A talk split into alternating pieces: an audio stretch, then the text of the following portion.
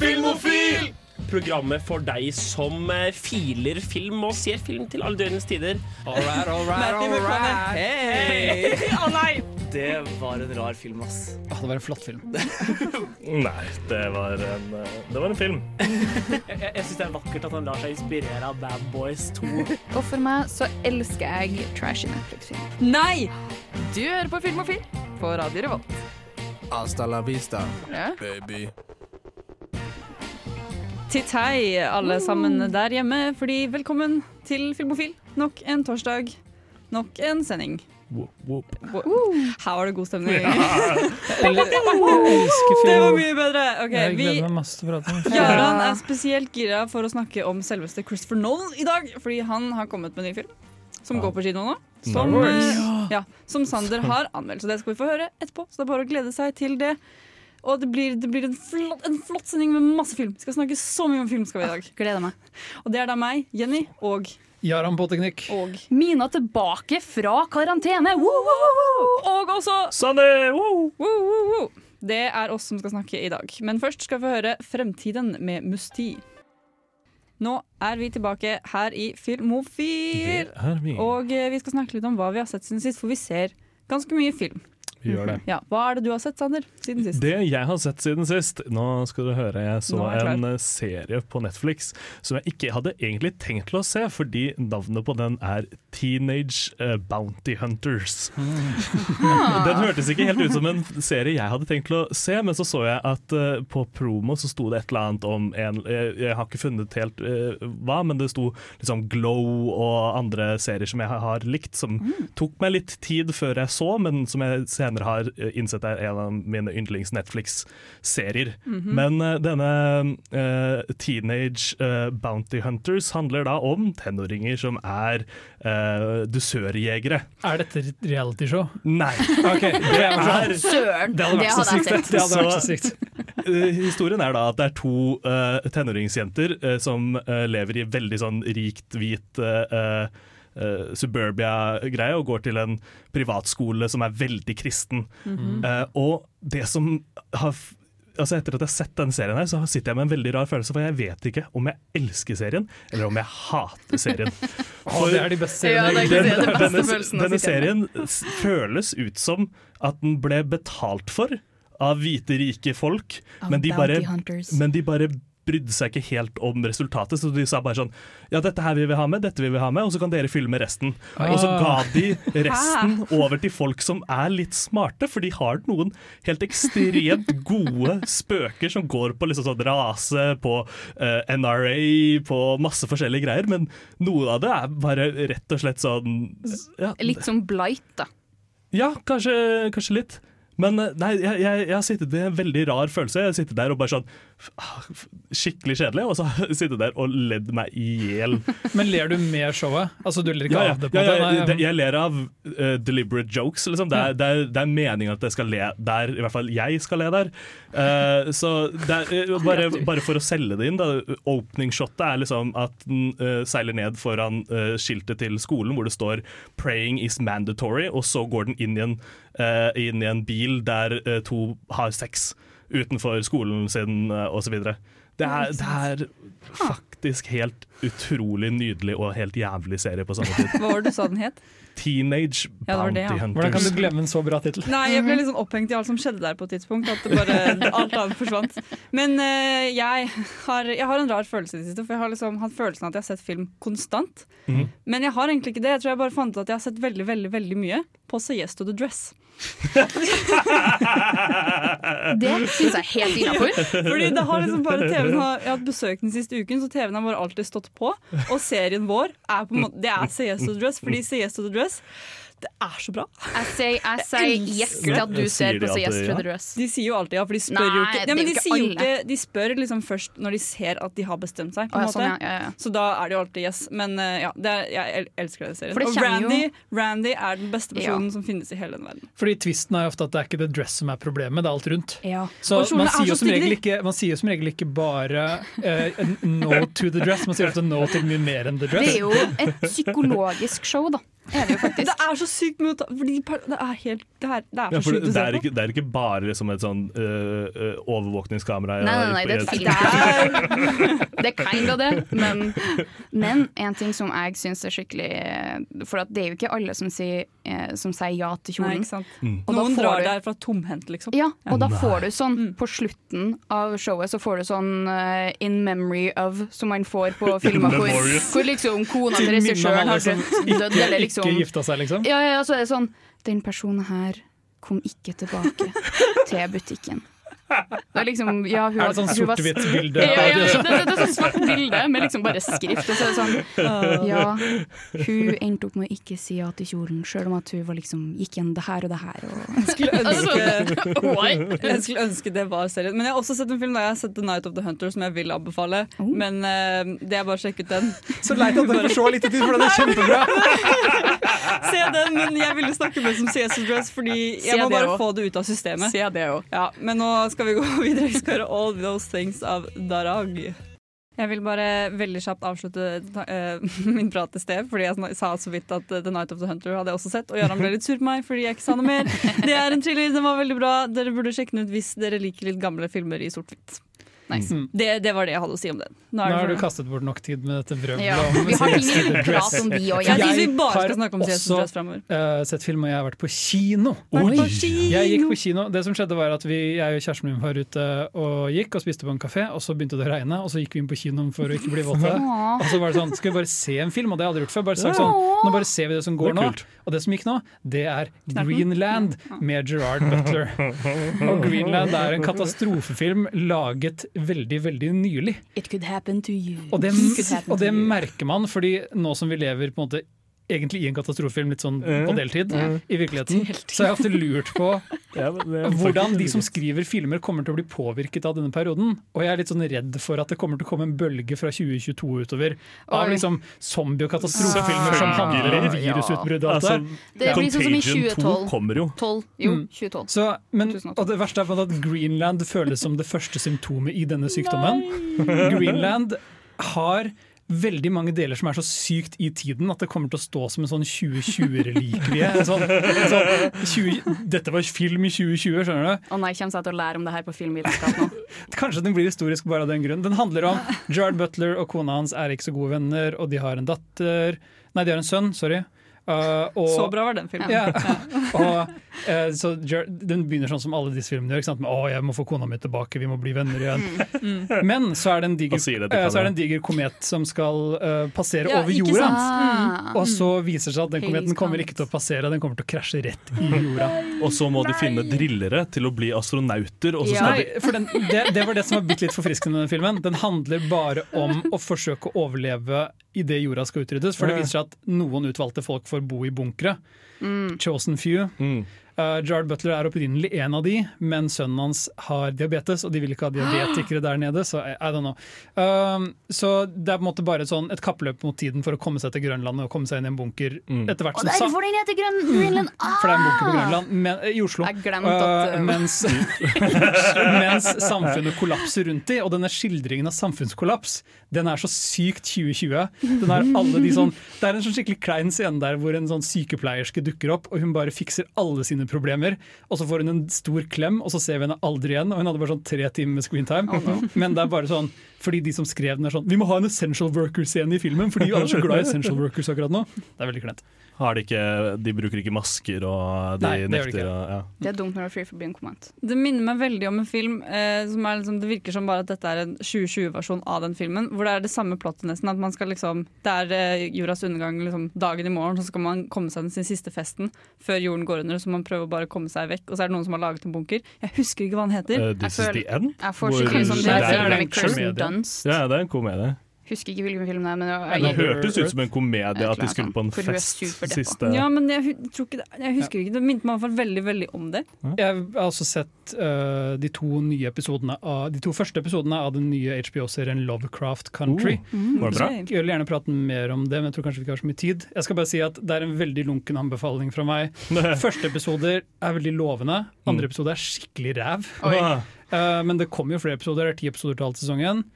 Men dette er en teit serie. Men hvis du liker teitserier, Ja, og det gjør jeg av og til, så go for it. Det er, tror, vi kommer sikkert tilbake til det i løpet av året. Ja, jeg har også sett film. Jeg har sett to filmer fordi jeg går på filmvitenskap og har pensum og en bok hvor jeg fant ut at å, på første sida så var jeg sånn Å, jeg har ikke, lest, jeg har ikke sett filmen her, da må jeg se den. Fordi at jeg sitter og leser det i pensum. Jeg prokastinerte ikke. Men jeg så um, den eh, Spielberg-filmen uh, 'Close Encounter of a Third Kind'. Ja! Et mesterverk, er det ikke? Jeg likte den til å starte med, og så var jeg sånn Nei, vet du hva, jeg liker det ikke. Men hovedkarakteren ligna på stefaren min på en prikk. Ah. Så hvis at du hører på Håkon, se på den. Bare fordi han ligger der i speilet! Ja. Og så har jeg også sett den fantastiske Amelie, og jeg har vært inn i det på en måte, mindsetet med at jeg ikke har likt den filmen. Jeg har ikke sett den før, men jeg så den, og jeg falt helt pladask. Eh, den er nydelig. Så hvis at folk liker litt sære filmer, eller bare liker koselige filmer, se den. Den var veldig koselig. Ja, jeg grein, jeg grein sånn hele, hele, det, hele sluttdelen. så Bare, Vil du si den var bedre eller verre enn Close Encounters of the Third Kind? bedre. Bedre? Ja, mye bedre. bedre? Mye bedre. Ja, men da så. Da har vi Minas anbefaling for hva hun har sett siden sist. Yeah. Filmvitenskap, rett til deg. vi skal nå få høre Guide til Europas natteliv av Trist pike før vi går videre. Filmofil presenterer nyheter fra filmens og fjernsynets vidstrakte verden. Gå nyhetstanker! Take it away, Mina. Ja, det er live fra um, Lukas. Første nyheten jeg har i dag, uh, det er egentlig en nyhetssak jeg vil diskutere litt med dere. Mhm. Fordi uh, jeg vet ikke hvor eh, nært og kjært uh, filmserien Sherlock Holmes er til deres hjerter. Veldig nært. Ganske Du tenker på Guy Ritchie Sherlock Holmes nå med Robert Downey jr.? Yes. Nei. Riktig. Oh, ja, ikke, ikke. Filmserien. Nei, det er bare Sherlock. Hallo. Unnskyld meg. Eh. BBC-trashet der. nå, nå ble jeg intrigued her, Mina. Ja, fordi det skal jo komme nummer tre. Skal det? Hæ? Å ja, ja, det skal Ja. det jo!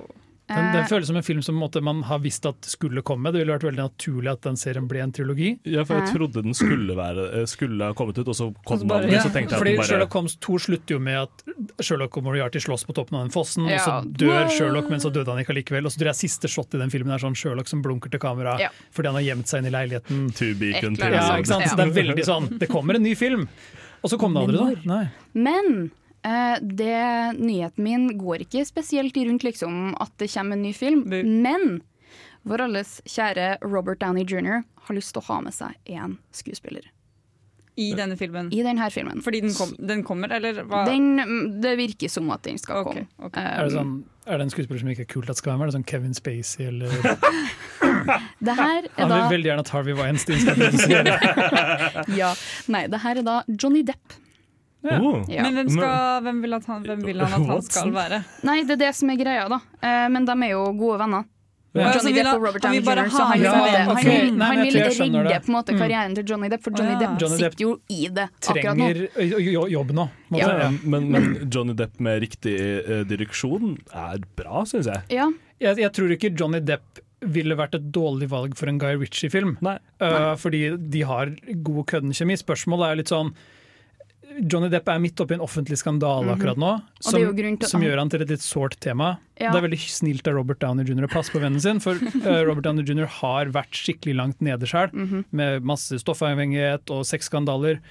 Uh, så hvis, hvis spørsmålet på en måte er er vi pro eller anti-Johnny Depp? ja, det er det som er spørsmålet mitt her. Ja.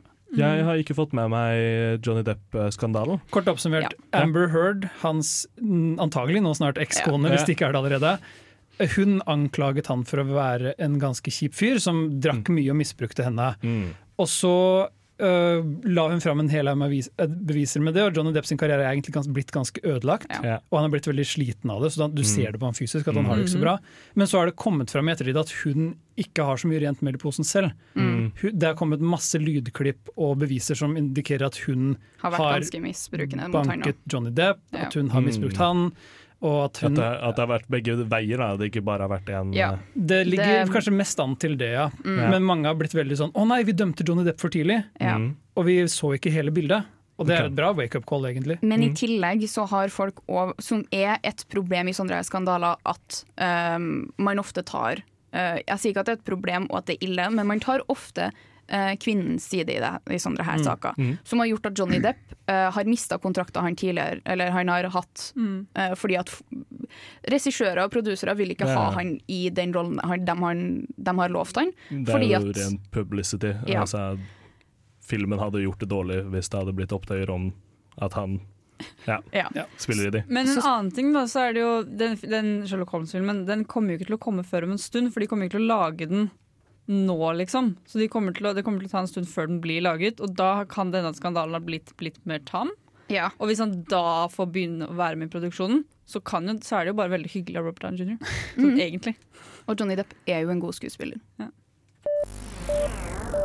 En annen nyhet som uh, de fleste han sikkert har fått med seg. Eh, Netflix har en ny film som eh, jeg er ganske sikker på nå har blitt trukket allerede, etter mye opptøyer og styr. Eh, det er da Cuties. Dette er den Mm. filmen som folk er skikkelig sinte på fordi den seksualiserer unge jenter. Ja, Jeg har ikke sett den. Er den ute på norske Netflixer? Vet vi det? Jeg tror den allerede har blitt trukket. Det er det jeg har allerede, ja. Eh, For det har vært mange eh, hva heter det nå? sånne petitions, sånn Ja. skriv under-kampanjer, hvor eh, jeg sjøl har skrevet under. Um, ikke for å være en helt, men you know. Fordi Uten å ha sett den, så handler den om uh, sånn barneskolejenter som Ja. danser uh, veldig sånn moderne twerkedans, liksom. Sånn, Ja, og så har de blitt stilt uh, i et veldig seksualisert lys. Det er jo som Er det basert på ekte Nei, jeg tror ikke det. Eller er det, ba, og Det er fransk, det er en fransk sånn språkfilm liksom? ja, som har blitt praised på Sundance. Ja, men det Så- er bra vi ikke får sett den, da. Ja. Det er veldig fint. Nå skal vi gå videre, men først skal vi høre 'Flying' med The Head.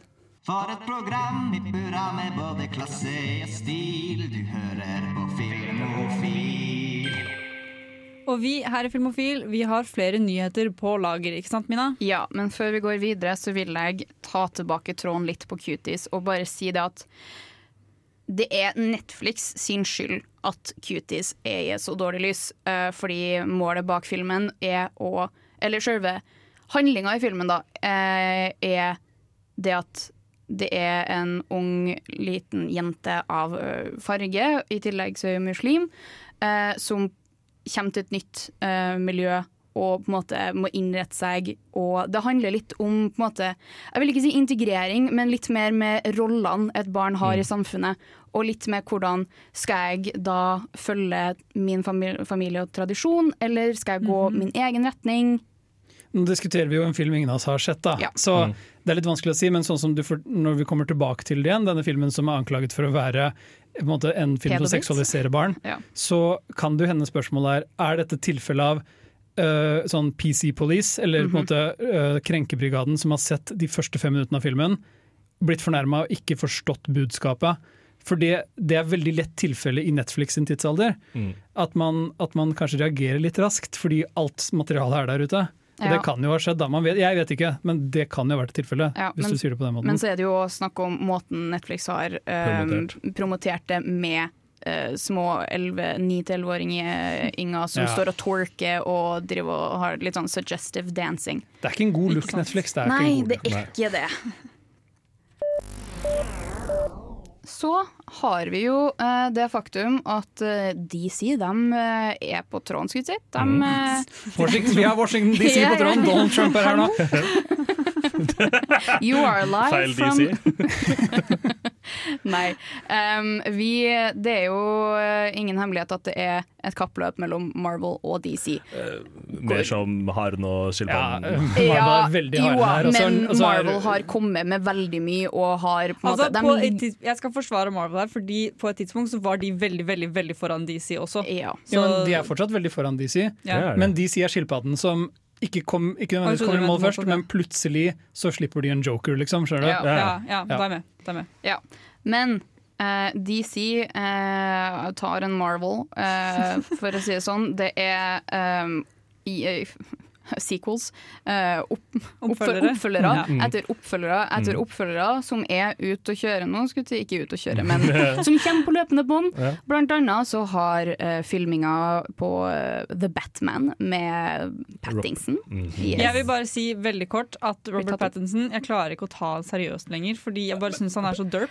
Hvordan skal Men- du komme deg gjennom Tennet? La meg bare si dette her. Jeg så The Lighthouse, you guys. Jeg så The Lighthouse. Og det var litt mye for meg. så når jeg ser han nå, så tenker jeg bare på den filmen. Tenker du på når han onanerte til Ja! en trefigur av, av, en, av en. Du må på. sånn Og når jeg så traileren for, eh, for Batman, så var jeg sånn Litt sånn angsty Jeg vil ha, jeg vil ha, jeg vil The ha The Batman i Batman svart-hvitt. i Lighthouse-versjonen. Det er vært skikkelig gøy. Alfred og Batman Men det skal også sies da at eh, jeg har veldig veldig lave forventninger. Da. Så han, han overrasket meg positivt i den traileren også. Ja. Jeg er sånn. dødsklar for én ting, og det er Paul Dano som The Riddler.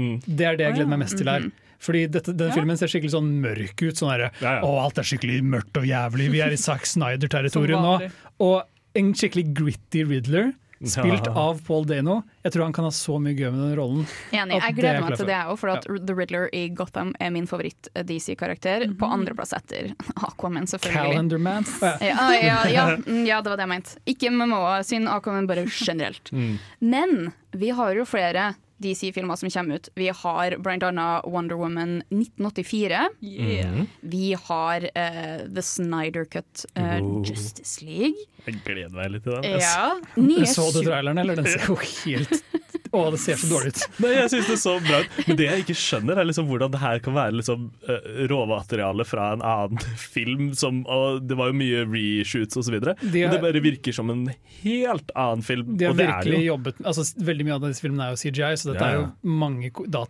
dataeffektfolk som har sittet og jobbet for å Ja. lage en utvidet utgave av denne filmen. Ja. Men eh, jeg så jo faktisk en video om liksom, hva skjedde rundt Snyder Cut osv. Og, så videre, og mye av eh, de memesene og sånn rundt den originale uh, utgivelsen av, av Justice League har jo mye problemer med de reshootsene, fordi Ja, ja. de måtte få tilbake mm, Henry Cavill Mm. bart. det er veldig gøy. Men poenget er at det kommer veldig mange nye filmer fra DC. Du har Shazam, The Flash, Justice League, Aquaman 2. Det blir Masse bra. spennende å se hvordan DC kommer til å gjøre det de neste to årene. For det kan, etter Joker så kan det være litt avgjørende. Mm. Eh, Ja, er for hvilken retning kommer- om- studio går i. Ja. Om de går rett ned igjen, eller om de faktisk holder seg på en Mm. Så litt bra vi, bølge. vi Ja. ønsker jo så mye superheltmangfold. Vi gjør jo det. Men det får vi bare vente og se. Først skal vi føre 'Chasing a Feeling' med Leon. Som nevnt eh, litt tidligere, skal vi i dag snakke om Christopher Nolan. Fyren bak mange, mange bra filmer. Og eh, fordi han, han har laget en ny film, da. Og Det den har du sett, Sander. Det har jeg, og jeg har til og med laget en liten eh, anmeldelse. Det har vært litt eh, lenge siden Mhm. sist, så vær litt oss. hyggelig med den. Bare for oss. Så tenker jeg egentlig at vi kan bare sette i gang, vi. All I have for you is a word.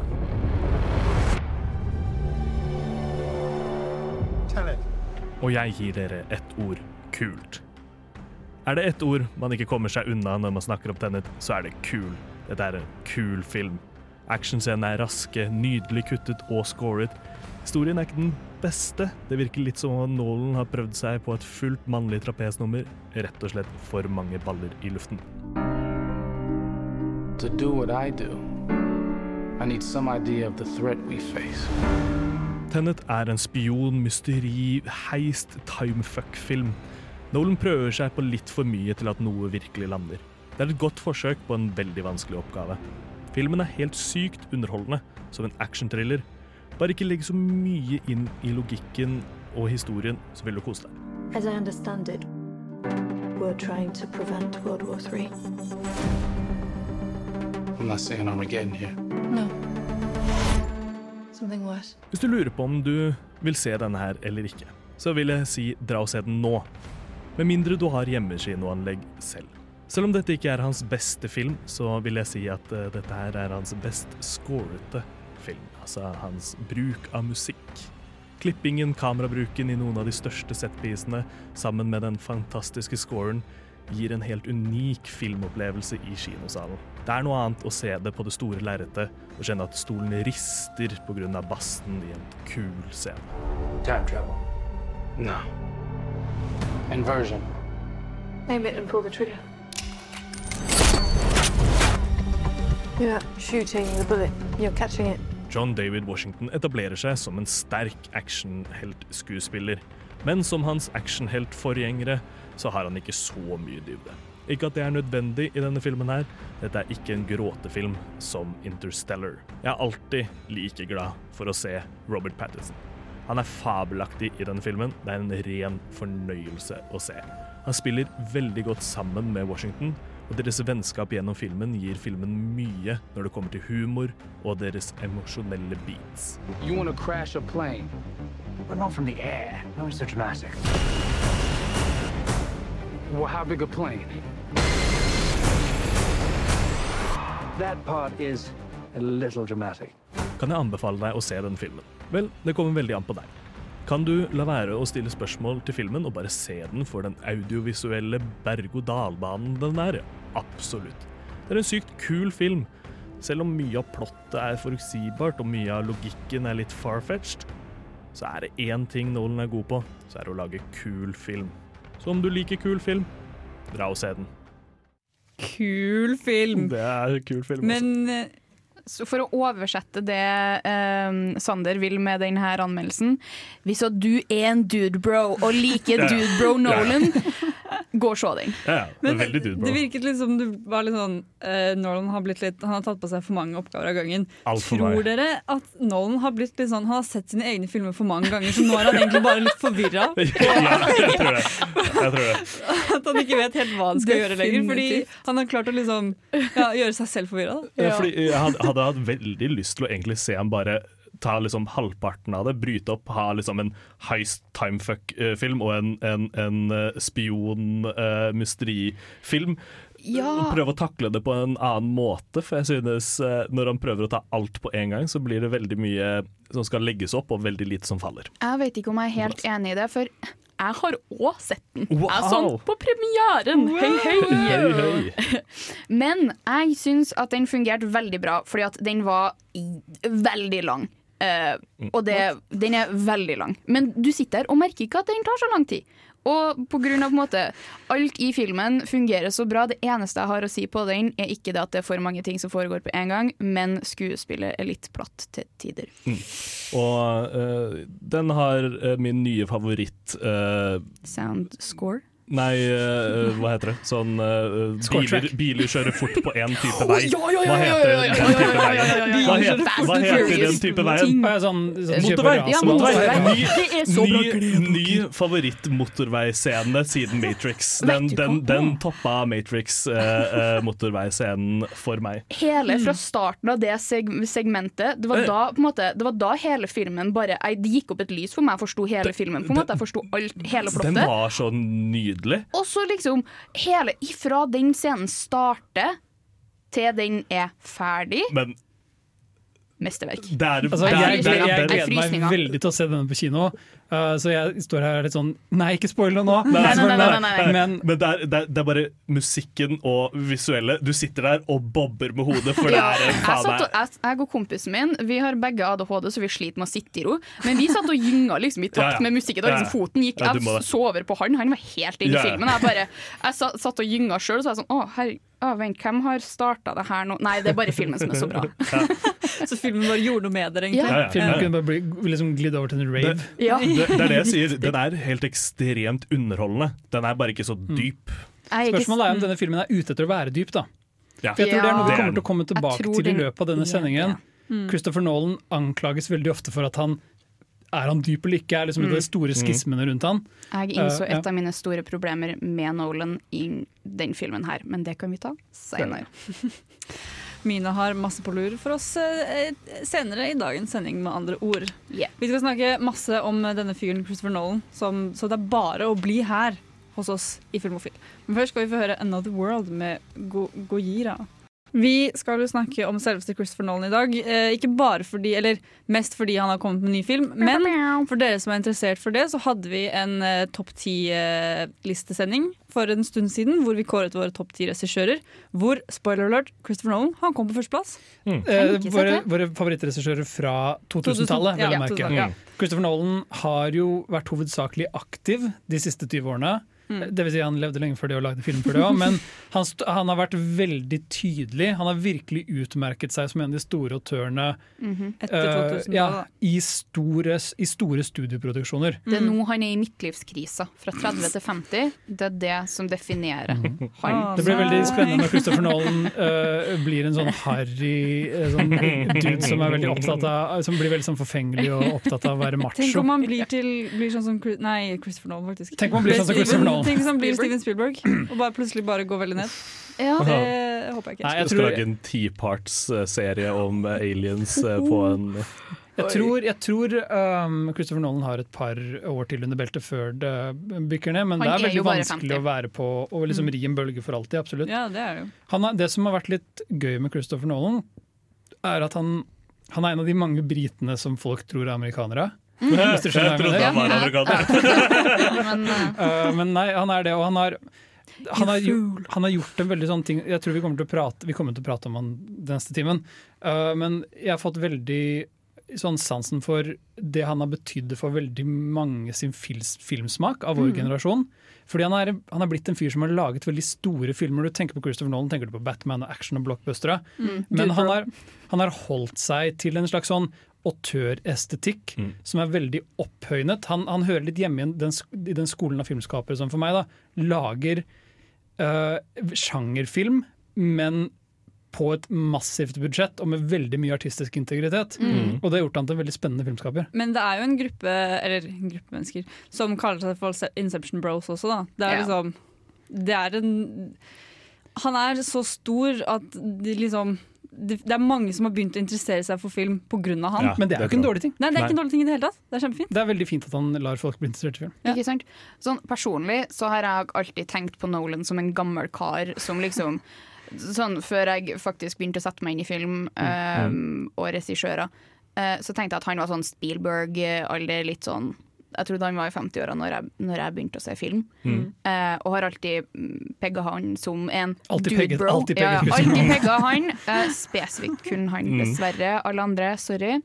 Eh, men jeg har alltid sagt, tenkt at å, han er bare en dude bro som lager dude bro-filmer. Han ser jo ut som en BI-kar som har blitt eldre.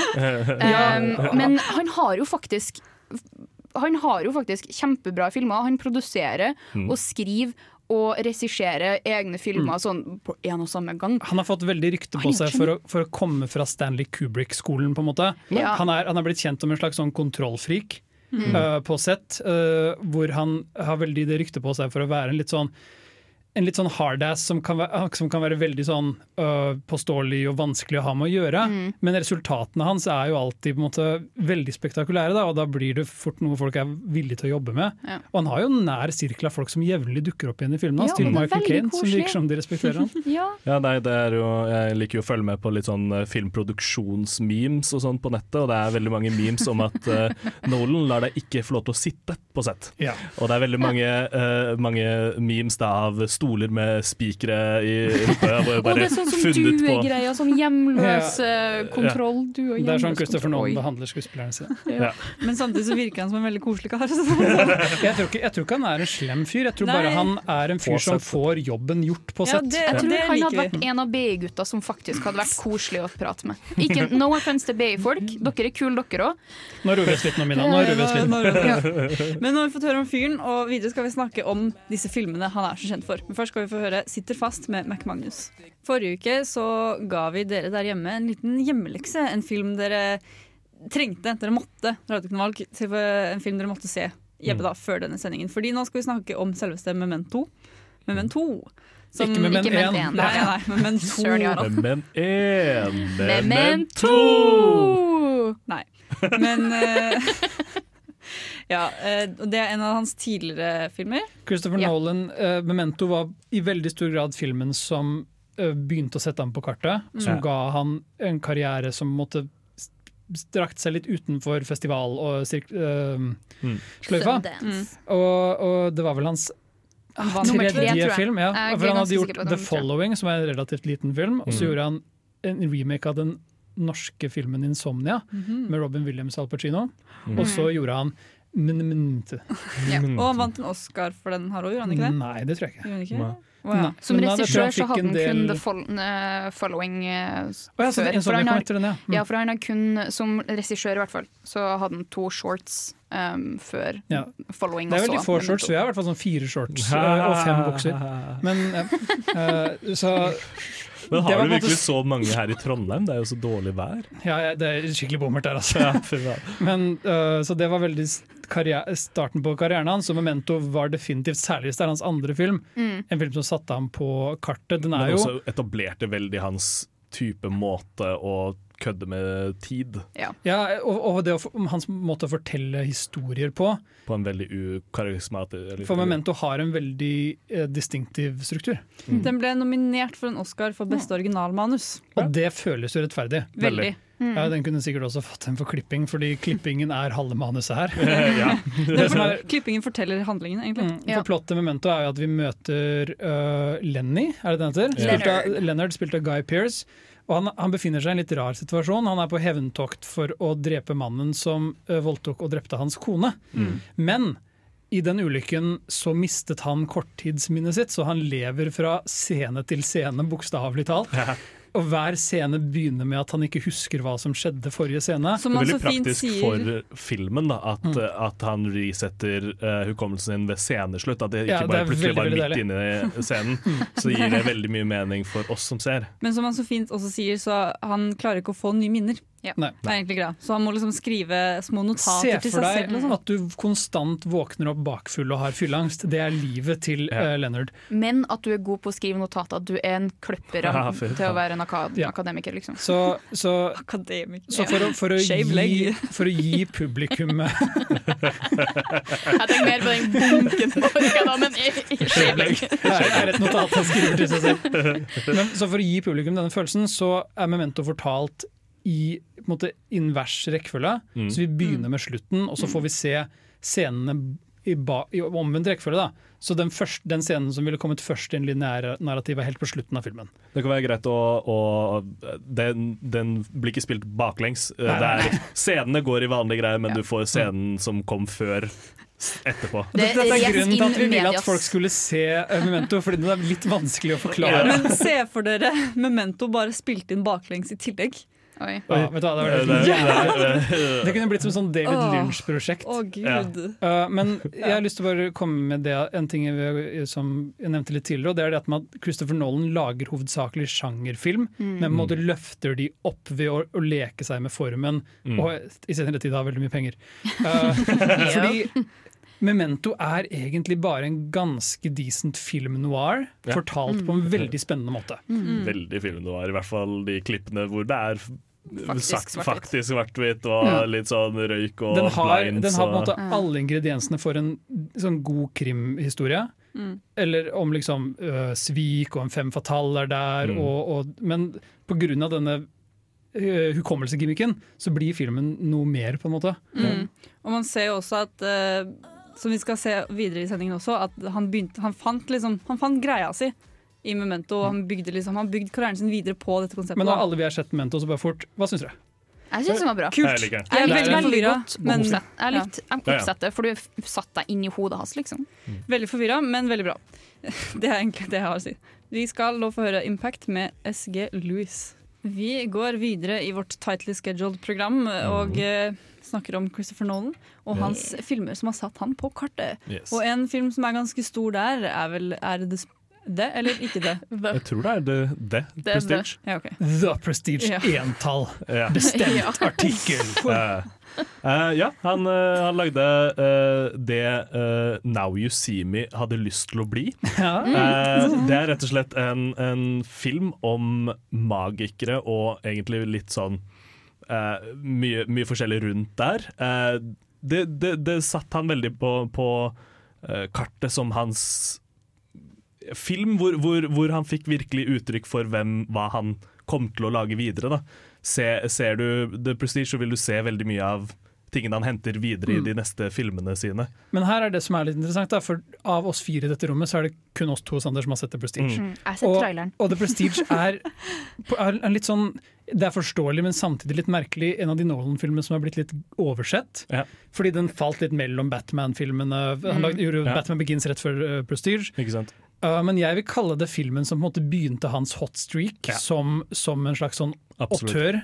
Ja, ja. Uh, I mye større grad enn de tidligere filmene hans. Fordi plottet til Prestige er relativt enkelt, litt Mm. keitete, men det er, det er to magikere på Mhm. sånn tidlig 1900-tallet ish. Mm. Eller når det var Nikola Tesla drev og herja rundt ja, tidlig 1900. Ja. Uh, som, 1900 som pleide å være veldig gode venner. Ja. Og nå er de ikke venner lenger. Nei. Og den ene skru- uh, magikeren er spilt av um, Hugh Jackman, en veldig stor, sterk mann. Og den andre er spilt av Christian Bale. Å ja. Og Christian Bale han lever for kunsten. Skjønner du? Han, han er ikke interessert i å selge ut, han bare han dyr, rendyrker magien, han elsker det. Men han er konstant sjalu på Hugh Jackman, som har sold out. Og han mener Hugh Jackman er ikke like bra som meg, men han gjør det mye bedre kommersielt. Og det starter et slags sånn rivaleri som bare blir mer og mer intenst Ja. med årene, hvor det ender med liksom sånn uh, folk, De er villige til å gå over lik da, for å liksom Ja. one-uppe hverandre. Men det, er, det, er, det er jo rett og slett liksom at Det her ikke? Ja, det er, det er en eh, plot twist eh, og så videre, og det skal vi jo ikke selvfølgelig røpe. Fordi det er en- er det en- det er en film- Just det er- det er en- Plot twist. Ja. Oh, ja. Men, men uh, det, det, det, det vil si er jo fordi dette uh, rivaliseringen er jo mellom den, den tekniske og den showmanshipen-greia. for eh, Hugh Jackman gjør det veldig bra fordi han er veldig showman. The, the true, the true yeah. showman. å si. Ja. The greatest greatest showman. ja. uh, for han er litt sånn Han repraiser litt den rollen i The Greatest uh, Showman. Ja, I hvert fall med flosshatten og Ja, ja. Men uansett så synes jeg at uh, filmen, det, filmen gir veldig mye sånn du, du sitter der, og du følger jo Christian Bale sin side av, av filmen. I mye mest- større grad. mye ja. større grad. Han er jo på en måte død i starten av filmen, Mm. og så fortelles den delvis gjennom flashbacks og delvis gjennom Hugh Jackman, som på en måte drar for å finne ut av hva Christian Bale holdt på med. Så det her er da Dude Bro The Notebook. Uh. Eh, hadde, hadde de bare hatt mye seksuell spenning, for det er det lite her. Det er lite. Denne filmen er, som du sier, det er liksom tæringen mellom The Showman og, og kunstneren. Ja. Mm. Men det er også så mye mye mer, for den, det er nok en film som har på en, måte, en, en narrativ hvor filmen konstant kommer med ting ut og liksom lurer deg, og, men så er det litt sånn som Memento, hvor du har den der Ja, men det, det lå i kortene hele tiden, Ja. men akkurat som et godt trylletriks, så så du en annen vei Oi. Nå må det komme i The Prestige, som er Ja, greia. avsløringen. Avsløringen. Så det er en varm anbefaling å se den, da, fra dere. The. Prestige Det fortjener Prestige mye mer oppmerksomhet oppmerksomhet -hmm. enn det den har fått. Jeg vil kalle det som sagt Christopher Nolans måte ekte fødsel. Ja, ja men Hans tredje fødsel. Tredje fødsel. Da er det bare å se den, da. The second coming. Vi skal nå få høre to låter. Vi skal høre Sigrid Undset med CS1 Sk- Sko og Friends av Lill Halima. Og nå er øyeblikket dere alle har ventet på, fordi alle har egentlig bare tenkt sånn Når skal de snakke om Batman? Og nå har tiden kommet. Ja, fordi uh, the dude broest of the dude bros vet jo det at uh, Batman-trilogien til mm, jeg tenker å si. Eh, McNolan. Chri- Chrissy, Chrissy Nolan.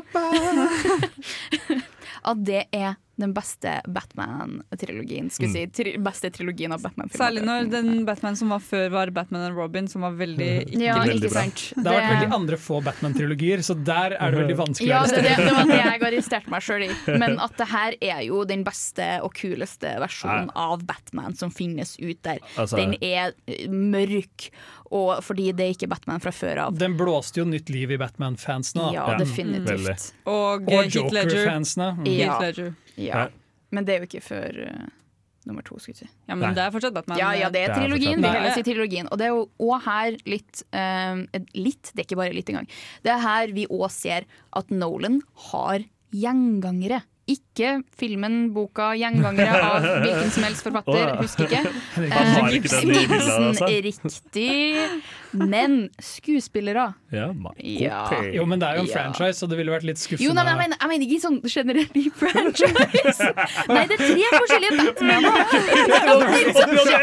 hver eneste gang! For at vi har jo Killian Murphy, han kommer igjen senere i, flere, i film. Ken Watanabe I film. Ken Watanabe blir brukt. Eh, Michael Kane. Thomas Hardy. Ja, og så har vi òg Christian Bale, som vi nettopp har snakka om film. Mm. Han er med, som er film nummer to Christian Noel kommer ut med. Det, han spiller vel uh, Bruce Wayne. Ja, Ja, men ja, det er det, er litt rart, for han spiller ikke Batman. Nei, han spiller Eh, Bruce Wayne. Hvem er det som spiller Batman? Okay. Det, det er stuntmann. Ja, men, nei, men for å være legit, dette er jo en ting vi kommer til å Eller som bør nevnes om filmen til Christopher Nolan. Han er veldig på at liksom vi skal prøve å gjøre dette så realistisk som mulig. Ja, Veldig ofte. det Og det betydde at i disse Batman-filmene så gjorde um, Christian Bale. Christian Bale veldig mange av sine egne stunt som Batman. Han sto blant annet oppå et eh, Og- høyt tårn og med Og for meg gjorde så har det Ja, alltid vært et lite drawback for Batman-filmene. Fordi når, når du er i drakta, da driter jeg i hvem som er i drakta.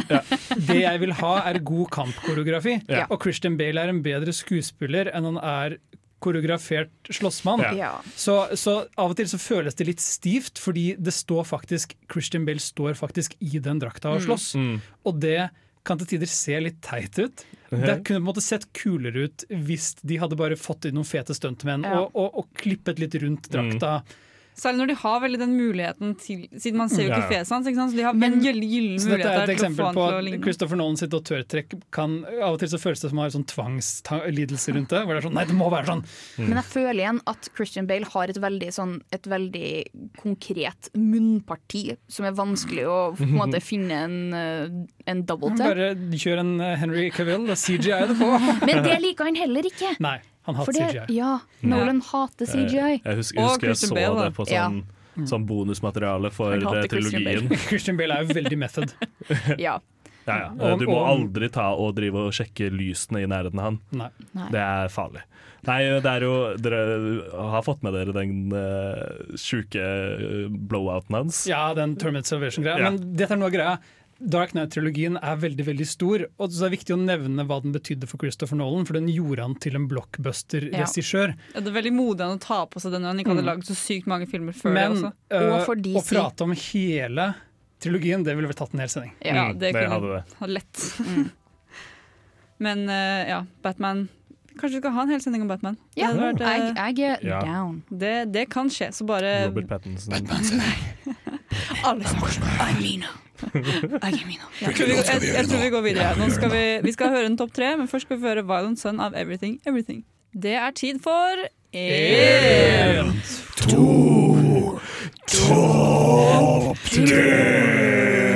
En, Mina tror Alfred fra, fra Batman heter Arthur. Jeg er ikke bare en forvirra person generelt. Mina har nettopp sett Memento, da er man litt uh, borte. Jeg er alltid borte, Jenny. Nei, jeg prøvde å forsvare det her, Mina. Takk. Men uh, uansett, Gøran har laget en topp tre til oss i dag. Det har jeg. jeg har laget en topp tre. Vi har, vi har vært litt inne på det allerede, nesten dessverre. Den er blitt sånn semispoila, fordi jeg har rangert mine topp tre Christopher Nolan quirks. For han er en fyr som vi har pratet om, han er kjent for å være litt sånn vanskelig på sett. Og han har et par sånne ting som han virkelig, virkelig ikke som du får veldig inntrykk av at dette er noe som skjer på et sett for Christopher Nolan. Og de er litt atypiske.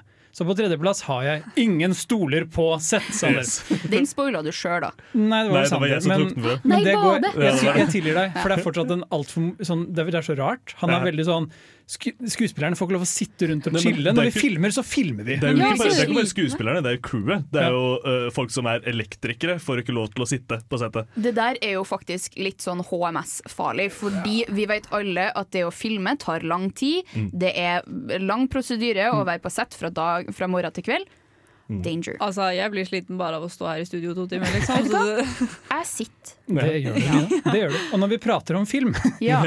Chris Nolan, eh, quirk nummer to som jeg setter veldig stor pris på, er at han er en av de folkene som nekter å filme digitalt. Jeg tror det har vært Hver eneste gang han skal lage en film, så er det sånn Kommer du til å filme på digitalt nå? Chris Nolan sier alltid nei. Og ikke bare skal han filme på film, han skal helst filme på størst tilgjengelig format. Yes. Gjerne Imax. Og det har jo gjort filmopplevelsene hans alltid veldig sånn eh, imponerende. Store. Mhm. Men det har også betydd at når du ser de på ikke-Imax-lerret, Ja. så vil du veldig ofte se et sånn aspect ratio-bytte Mm. mellom Imax og ikke-Imax. Ja. Hvor det er sånn Wow, nå ble skjermen kjempestor! Mm. Og det er litt sånn morsomt, litt quirky nesten. For det er sånn Nå er du ute med det Imax-kameraet ditt igjen, Christopher Nolan! Ja, men jeg husker veldig godt jeg så uh, som bonusmateriale fra Dark Knight-trilogien at det var veldig vanskelig, for det er veldig tungt, stort kamera, Ja. å drive og filme rundt på bil. For nå tror jeg Og hvis at de ikke får lov til å sitte, min- så er de sliten. For nå, kommer dere til, nå tror jeg du er inne på min quirk nummer én. Det er alt skal være praktisk, uh, praktiske effekter, selv om det betyr at vi setter kamerautstyret vårt i fare. Kjempefare. Fordi i, Dark Knight, øh, I The Dark Knight så knuste de ett av sånn fem eksisterende Imax-kameraer på den tiden. Uh, og Imax-kameraer er dyre. Ja! Ja. Please Altså, si at det bare var en scene av at Batman skulle spise Nei, det er, noe eller noe det er når de, jeg tror det var når de flipper den uh, traileren. Men det er veldig gøy hvis sånn Christian Bill snublet borti Imax-kameraet. Ops! Sorry, governor! Det var ikke så mye gøyere hvis at Arthur hadde Å, faen. faen ja. altså. Så, så Christopher Nolan insisterer jo ofte på å gjøre en del ting som Akkurat som vi skal ikke ha digitalt. Hvis det kan gjøres praktisk, så driter han i om det koster en milliard. Han skal Mm. gjøre det praktisk. Og som vi har sagt også, det gjelder òg for CGI. Ja. mm. Så han, det, og det er jo noe jeg blir veldig glad i. det. Jeg vet ikke med dere, men jeg, jeg, jeg liker det veldig godt. Det føles mye farligere, fordi jeg vet at kamera kan gå i stykker. Men, men jeg, synes, jeg synes også at det, det er mye uh, unødvendig hat mot uh, CGI, for det kan Ja, ja, gjøres på en ordentlig Ja. måte nyttig. også. Jeg liker veldig godt uh, Mad Max Fury Road, som oh, tar ja. begge deler sammen. Mm. De har noe praktisk, og så klipper de inn osv. Problemet er at den beste CGI-en den ser man ikke, Nei. Mm. mens den dårlige CGI-en den ser man så sykt godt. En veldig god CGI-film som jeg vil ta opp her nå, det Avatar. The, last, the Last Airbender. ja. Men hvis du ser den igjen, da, da Den er så dårlig. Jeg synes Den var bra når den kom ut. Det Den var er som med A Close, Close Encounter of a Third Kind. Var bra når den kom ut, ikke så bra nå lenger. Nei. Fortsatt bra! Fortsatt bra! Ja. Men jeg vil, jeg vil gi han litt respekt Eller jeg har litt respekt for han for at han holder seg til disse tingene. Da. Det skal han ha. Jeg, jeg liker det når folk er litt sånn Dette er måten jeg lager film på. Han er ikke som Det er sånn Cameron det er, og, og ikke lar folk gå på dopauser, liksom. Nei. Og så, så funker det jo tydeligvis. Så det er jo det er veldig fint. Men Eller, Kanskje han skal la folk sitte. ja, det hadde vært litt fint. Come Kanskje ikke altfor mye, for da blir man slappe slapp og sånn. Men Er han en dude? Er han en bro? Vi vet ikke. Det er min favoritt Chris Nolan. Ja, begge vi skal nå få høre 'Portal to Happiness' med Carl Louis før vi går videre. Hei, jeg heter Roar Uthaug, og du hører på Filmofil på Radio Revolt. Og her er vi. Og nå skal vi snakke om filmen av Christopher Nolan som i hvert fall er den filmen jeg tenker på først når jeg tenker på, når jeg tenker på han, og filmen jeg trolig så først. Mm. Av fil Nei, kanskje ikke. Jeg husker ikke. Jeg Nei, men i hvert fall, det er hans ikke si største, men en av de aller aller største filmene hans, nesten. Ja. Nemlig Inception, som er Inception! Hvert, hvert, hvert, hver gang vi har pratet om en ny Christopher Nolan-film nå, The Prestige, Dark det sånn, Knight-filmene så, er så, så, så sier vi altså dette er filmen som satte Christopher Nolan på kartet. Dette er den beste filmen han lagde. Og, det, og Inception er enda en sånn film som han bare fortsatte å one-uppe seg selv. Ja, men det er nettopp det, ikke sant? Fordi vi Mhm. sier jo at det er bra, men så han klarer liksom å gjøre det enda bedre. Han går liksom bare opp og Han, han rir på en veldig bra bølge. Inception, bare for fort fortelle liksom hva Inception er da. Hvis noen der ute har bodd under en stein og gått glipp av en av de største blockbusterne forrige tiår, Mm. Er at uh, det, en, det er en heistfilm yeah. Som finner sted i drømmene dine. Med et stjernespekket cast. Ja. Mm. Uh, Leo spiller en veldig sånn typisk karakter både for Chris Nolan og for Hollywood-blockbusteren. Han er den kompliserte mannen med en vanskelig fortid mm. som må gjøre noe litt sånn moralsk gråsone for å komme hjem til familien sin. Mm. Uh, og det han gjør, er at han er skikkelig god på å gå inn i drømmene til folk. Og så kommer Ken Watanabe. Ja, men jeg drømmer om Leo hele tida. Det er på forhåndsbasis, liksom, så da Uh, og Ken Watanabe sier Kan ikke du uh, gå inn i drømmene til min businessrival og gjøre det farligste en drømmetyv kan gjøre? Mm. Plante en or original idé. Uoriginal idé. Ja, men få den til å virke original. Ja. Ja. Jeg vil at du skal plante en idé i hodet hans som han ikke skjønner at ble plantet der. Yes. Uh, og, og Leo sier ja, fordi det er veldig høye stakes. For man kan, liksom, man kan faktisk dø eller bli skadet i drømmeverden hvis man går dypt nok. Og, uh, men han har mye å vinne, da. Ja. Mm. Ja. Ja, nei, uh, som dere sa, dere alle liker den veldig godt. Jeg så den på nytt nå for bare noen dager siden. Jeg, jeg, jeg ble litt skuffa. Fordi jeg husker, jeg husker den som en jævlig god film, og jeg husker at jeg likte den jævlig godt når jeg så den. Og så så jeg den på nytt, og jeg hadde en god del problemer med den. Altså. Hadde et par ting som var litt sånn Når jeg var 14 og jeg så den i 2010, så ga alt mening. Og nå når jeg så den igjen som eh, 24-åring, så ga det ikke så veldig mye mening. Jeg tror jeg vet hvorfor, og det er fordi at i, etter min mening så er Jeg sa det i stad at Batman var det som er mest sånn dude bro med Nolan, men det er feil, fordi Inception er sånn Da har du sånne karer som er sånn Å, jeg, vet, jeg vet ting om film. Inception ikke, bros. Ja, Inception bros. Det er folk som er sånn Å, jeg vet alt om film, men jeg, jeg, jeg ser bare Inception og Nolan-filmer. Ja. Og det er liksom, den er veldig sånn Når du ser den første gang, så er det Og når den kom ut også, så er den sånn Å, den er så intellektuell, den er så kul. Men egentlig, når du ser den, så er det sånn Den er veldig kaotisk. Eneste grunn til at jeg liker den så godt, det er ikke min favoritt-Nolan-film. Det er min minst favoritt-Nolan-film, faktisk. Mm. Men det er fordi det er Tom Hardy som er med, og mm, mm, mm, Tom Hardy. For her, Ja. her kommer det jo en ting som jeg tror uh, Som du nevner her, Mina. Det er det at med Inception mer enn noe annet, så startet en trend om at Christopher Nolan, eller en idé rundt filmelskere, at Christopher Nolans filmer er dype. Mhm. Christopher Nolans filmer er komplekse og vanskelig og utfordrer Og en Det er som en eh, tarmbakterie. Den Ja. er vanskelig å få ut. jo, men det er enda viktigere for Inception, fordi Og den Inception handler, være god, eller så kan den være farlig. Inception handler om ideer. Ja. Og, um, og, og det, jeg tror det har skadet ryktet til Nolan litt, fordi det har skapt en slags sånn splid hvor folk er sånn 'Jeg fant ett plotthull i en Nolan-film, da suger den! Det er den verste filmen!' Og så andre er sånn 'Nei, Nolan er et geni, du forstår det bare ikke'. Men jeg, vil, jeg personlig føler veldig at han er ingen av delene. Ja. Christopher Nolan, det sa jeg tidligere, han lager eksempel Inception er en heist-film, først og fremst, yeah. men den er satt i et veldig sånn kreativt rom. Mm. Og den, har, den prøver å jobbe med en slags sånn rar drømmelogikk. Og det, men den er først og fremst en sjangerfilm, bare liksom opphevet litt, føler jeg, da. Og Ellen Page is straight. Det er det mest sjokkerende med denne Ja. filmen. Ja, ikke, ikke alt som foregår der, eller noe. Nei. Ellen Page er straight. Helt klart. Men uh, jeg, jeg liker filmen veldig veldig godt. Jeg så den for lenge siden, men uh, Eller ikke sånn altfor lenge siden, men jeg holder den fortsatt høyt oppe. Sandra, Sander og jeg må ha en Inception-beef, tror jeg. Ja, jeg tror dere må det. Nå skal vi få høre 'Hold ut' med lekene lett.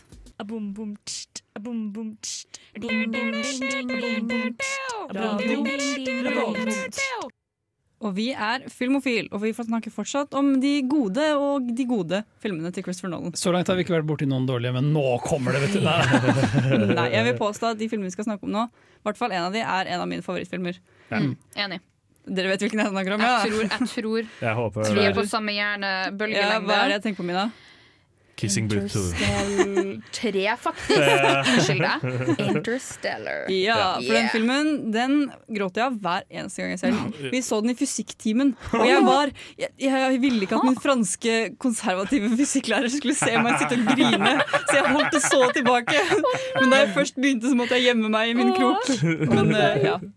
Det høres ut som vi er egentlig enstemmig vedtatt at vi alle har Interstellar som en Christopher Nolan-favoritt. Ja. Mm. For jeg også er veldig veldig glad i den filmen. Mm. Var fysikklæreren din enig om at eh, kjærlighet er det eneste kraften som kan dra gjennom både tid og rom? Han bare satte den på fordi vi hadde lyst til å se Interstellar, fordi vi mente den var litt fysikkrelatert. Ja, men det er jo Det er jo ikke Den er litt fysikkrelatert helt fram til slutten. Da blir den litt wack. Interstellar var Men den fremtidig Mm. fysikk Ja. er den ikke Ja, ja, ja. helt wack. Nei. Nei. Interstellar var den Christopher Nolan-filmen som kom høyest på vår tiårsliste. Mm, Litt å shout etter den, den kan du høre på podcast. Ja. Men dette, eh, dette markerer veldig det som har vært den, De to siste filmene til Christopher Nolan har vært Interstellar og Dunkerque. Mm. Og de har begge to vært sånn superambisiøse filmer. Christopher Nolan har virkelig bare fått penger kastet etter seg. Han har fått lov til å gjøre hva han vil. Han var sånn Vi skal lage en fullstendig 3D-modell av et sort hull som skal være så, så, så eh, korre korrekt det. som mulig. Og han gjorde dette her i praktisk Ja. eh, effekt. Men Så han det, lagde det, det, det var en av de delene av filmen jeg likte aller best. Når de kjører forbi det sorte hullet, liksom. Eh, Ja. Mener du wormholen eller det sorte hullet? Nei, det sorte hullet. Ja. For han kjører jo inn i det sorte hullet. Ja. Ja, det likte jeg best. Jeg var sånn her, her, Altså, Det har vært en av mine er- største barndomsskrekk eh. Det I den scenen Black holes. I den scenen så sitter man jo på tuppen av setet sitt og er sånn Mm. Hva er det som skjer nå? Ja. Liksom. Man er jo, jeg begynner jo å svette av den filmen, liksom, for det er så mye. Dun eh, Interstellar er et eksempel på sånn masse kule praktiske effekter. Jeg elsker at de faktisk bygde den TARS-roboten. En av mine Mm. favorittrobotdesign. Gjorde de det? Ja, ja. Oh. Eh, den er jo ikke en fullstendig AI, men de bygde roboten. Og, um, Den og den har gode praktiske effekter, men den har også mye CGI, typ alt i verdensrommet. Mm. Uh, mens Dunkirk er på en måte på andre siden igjen, for den har sykt mye praktiske effekter. Mm. De fikk tak i masse Alle de båtene Harry og flyene. Harry, Styles, Harry Styles finnes! Det var det ikke, trodde. Er ikke Harry Styles CGI? Han er ikke ut av Simon Cowell sitt hode. Han er ikke bare fantasifigur. Han er ekte. Det var litt sykt. Jeg har alltid Ja. trodd at Harry Styles var for talentfull til å finne spekter. Ja, ja. Uh, Det er noe med det. Men det, det har vært sånn de, de to filmene har virkelig stått som sånn Christopher Nolan sine ja, mest ambisiøse prosjekter, da, Mm. vil jeg påstå. Han har, han har bare fått levere hva han ville, og han har virkelig levert på begge de to. Jeg skulle ønske vi hadde masse tid til å gå, gå det i dybden. Men det viser bare at de kaster penger på de riktige personene. Da. Ja. Jeg er veldig glad de kaster masse penger på kaster dette. penger på noen av de riktige personene, i hvert fall. Ja, men jeg er veldig glad de kaster masse penger på noen, fordi han kommer jo med veldig mye Alt er jo så originalt, det Ja, han holder på med. Det er, det er sjukt. Jeg elsket Dunkirk, Mm. men Interstellar betydde veldig mye for meg. For Ja. den, den Ja. ligger i et en sjanger jeg liker veldig godt, science fiction. Mm. Og den gjør den science fiction-tingen jeg elsker mest, som er å kombinere fornuft og følelser. Ja. Uh, den snakker om vitenskap og om følelser på en veldig sånn en måte som påstår at disse to sammen kan bringe oss videre. Og det er jeg veldig for. Uh, Dunkirk for meg er uh, en av mine yndlingskrigsfilmer, Mm. men ikke i nærheten av uh, favoritt-Nolan-filmer. Men det er en veldig spennende laget film. Strukturen til Dunkirk Mm. er sånn Det er verdt et lite essay, liksom. Mm. Jeg tror ikke jeg har samme følelsesmessig kobling til Interstellar som dere har. Jeg syns bare Ja. det var en fin film. Men det eneste jeg klarte å tenke når at jeg så uh, Hva heter han? Han uh, Ja, altså, når han eh, begynte å Jeg tror det var en av de første scenene, eller Ja. veldig i starten av filmen, så begynte han å grine. Og så Ja, var, når han ser der. videoen av datteren sin som Ja. vokser opp. Mm. Mens han Nei, var ikke, ikke, nei, nei, nei, det er før det. det, er før det. Så begynner han å grine. Og så tenkte jeg at det er sånn jeg ser ut når jeg har migrene. og det var det eneste jeg klarte å tenke på hver gang han grein McConaughey har et skikkelig godt gråtefjes. Ja. Jeg jeg mener. Han, Jeg, han grå, ser så lei jeg, jeg grein sjøl når han hadde den videoen Mi- i mi- rommet. migrein du? Ja, jeg migrein. Mhm. Mina grein. Det er Timothy Charlemagne som er sønnen i Interstellar, er det ikke det? Nei, det er det ikke. Han ligner i Det hvert er fall bare en jævlig. Mm. Bare annen nerd. Men, fy faen, altså, er det én ting man kan skrive beskrive Timothy Charlemagne som, Jo, er det så jo, nerd. Jo, det er det. Det Du har det! rett. My man, my Fy Han var bare veldig ung. Tom, 15 Men years. eh, ja, vi skulle ønske vi kunne snakket mer om disse filmene, men det, vi må dessverre gå og høre en låt nå. Vi skal høre The det er Call. alle Det er så trist. Ja, vi skal nå høre The Call of Exodus av Goat the Head. Hi, this is Brian Usen. I'm the producer of Reanimator and the director of Society, and I'm with the Filmophile people, and uh, we're all having a great time. Ja, og vi eh, har det kjempefint med å snakke om Christopher Nolan, og eh, vi har jo Nå har vi snakket en del om filmene hans og filmografien hans, eh, og vi har jo, man ser jo at det er noen fellestrekk Mm. mellom disse filmene. Spesielt for å ta praten litt videre fra der vi var i sted, da, med Interstellar og Dunkerque, så er tid noe han i hvert fall bruker veldig mye i de Mm. aller fleste filmene hans, uansett hva det er, som Memento også. Det er jo tid, ikke et veldig stort virkemiddel, men Hukommelse kanskje Ja. først og fremst, men Ja, ja. tid er en del av hukommelse. del av. Men Hans og Vøra har vært veldig fokusert på tid. Det, Mm. å, å si at Christopher Nolans filmer har i stor grad vært en meditasjon over tid, på ulike, veldig ulike måter. Mm. Hans Og tid er ikke ute. han bruker de alltid som, som virkemidler, enten Ja, ja. det blør inn i soundtracket eller i, gim, i filmens måte plott. Mm. Så um, han er en veldig han er veldig interessert i tid, Mm. på en, men han bruker det veldig ofte til action set pieces. For eksempel. Det er veldig kult. Ja, og så liker han også gjerne å, å, å tulle med den kronologiske måten å uh, typisk fortelle en historie på. Da. Dunkirk har jo også det som en greie. Ja. Hvor alle disse, Det virker som de foregår nesten parallelt, alle historiene, men så Ja. viser det at nei, de foregår på helt forskjellige tider og på forskjellige plan av tid. Oh. Hver, hver historie beveger seg i ulik hastighet. Men så blir man veldig stressa av det, fordi det virker som alt skjer med en gang, og du Mm. bare sitter der sånn, og Mm. den tikkende klokka i bakgrunnen, og det er sånn alt Ja, den har, den, den har tikking Ja. som soundtrack, liksom. Det er Ja. liksom sånn, sånn som eh, 24, så kommer, Ja. sånn, så kommer de der dum, dum, dum, 24 er kanskje den mest interessante meditasjonen over tiden noensinne. Suck it, Richard Linklater. Husker jeg elska den. Uh, 24 er jævlig bra, men det er ikke det vi prater om. Nei. Lag 24 Christopher Nolan. ja! Det hadde vært et spennende take. Ja.